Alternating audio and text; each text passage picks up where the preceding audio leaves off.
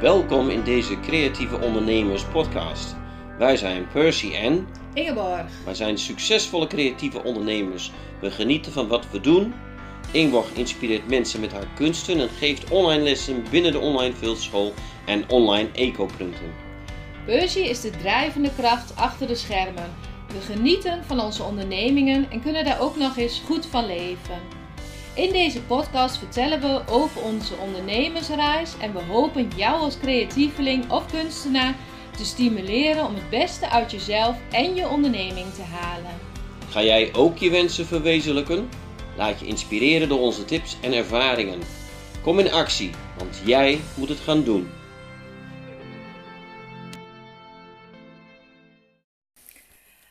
Hallo, goedemorgen. Ik zit hier weer eh, met Percy samen. Mijn naam is Ingeborg.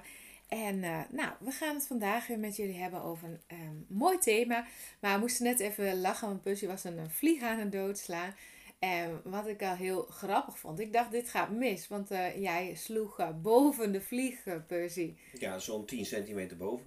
En toch had je hem te pakken. Ja, ja wat is een anticipatie van mij? Het anticiperen van uh, van de beweging van, van de vlieg. Uh, meestal uh, zien ze dus jouw handen als die dicht gaan klappen en dan vliegen ze weg.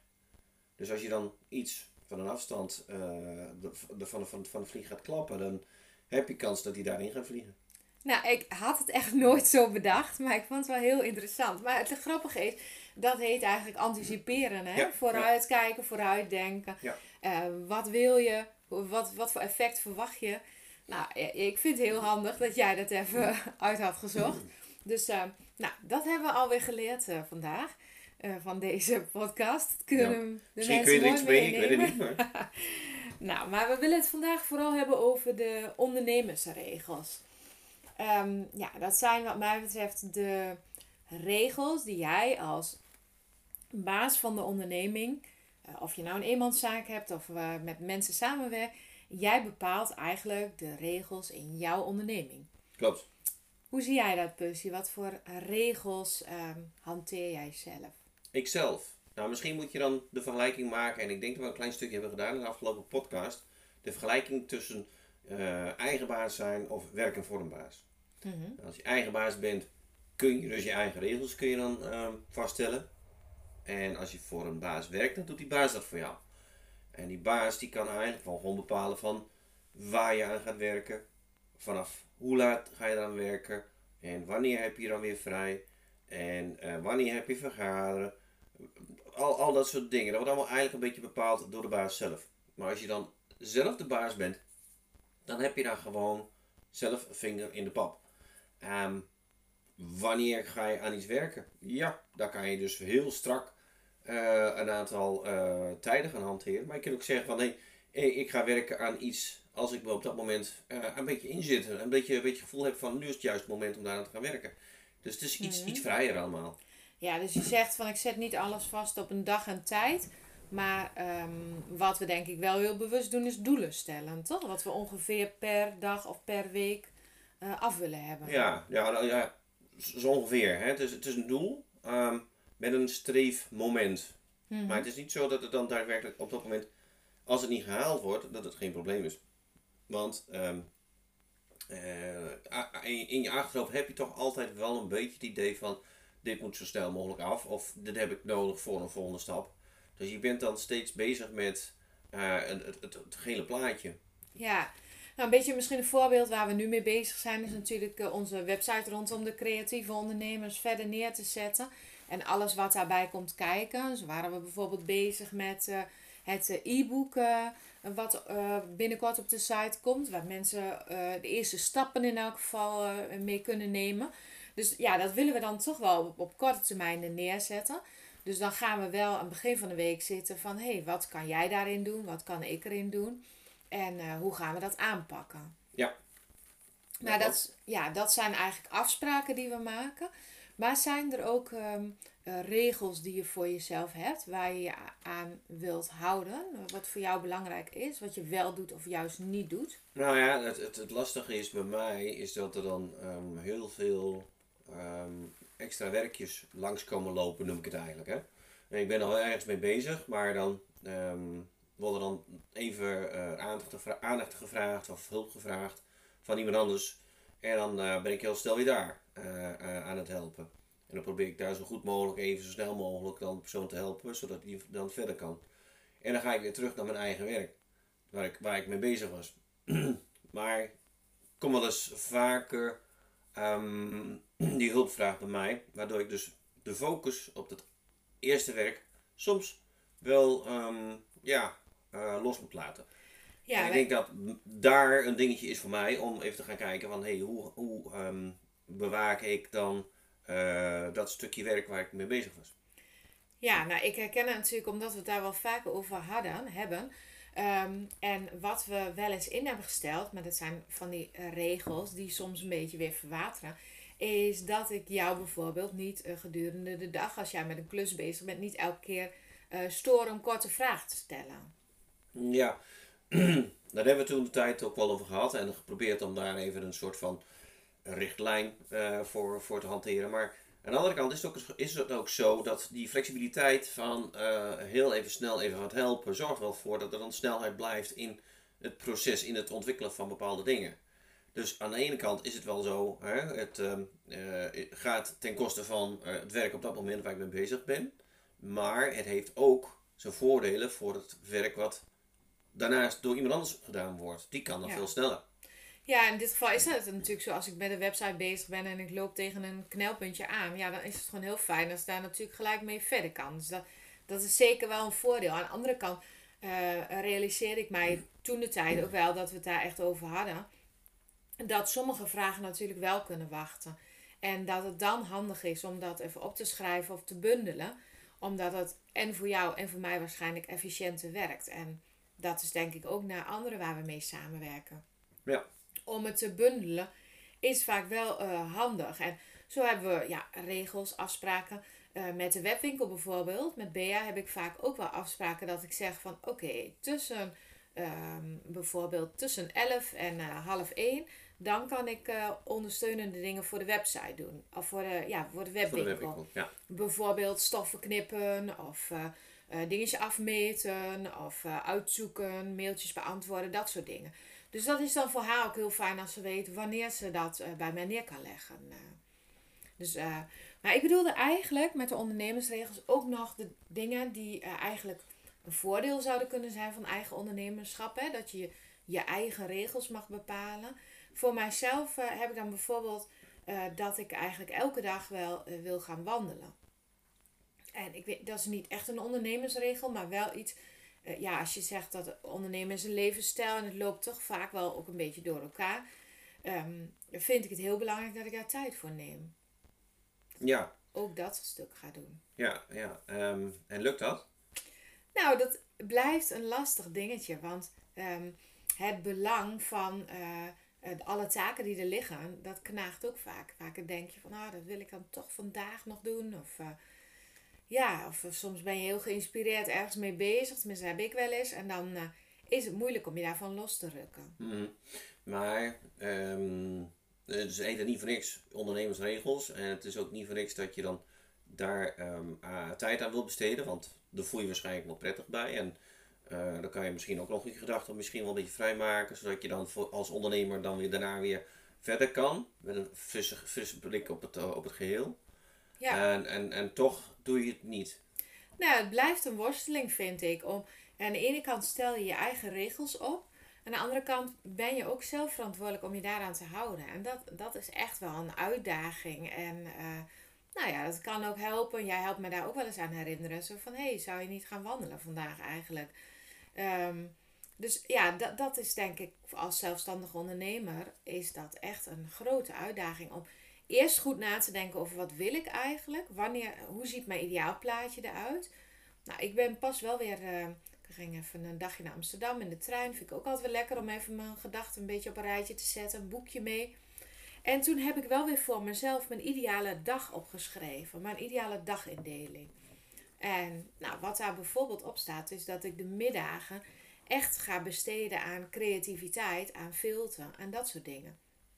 Dat betekent dat ik ook de ochtenden goed moet gaan besteden aan alle andere dingen. Want als ik dan niet efficiënt werk, dan eh, komt het van die middagen ook niet, zeg maar.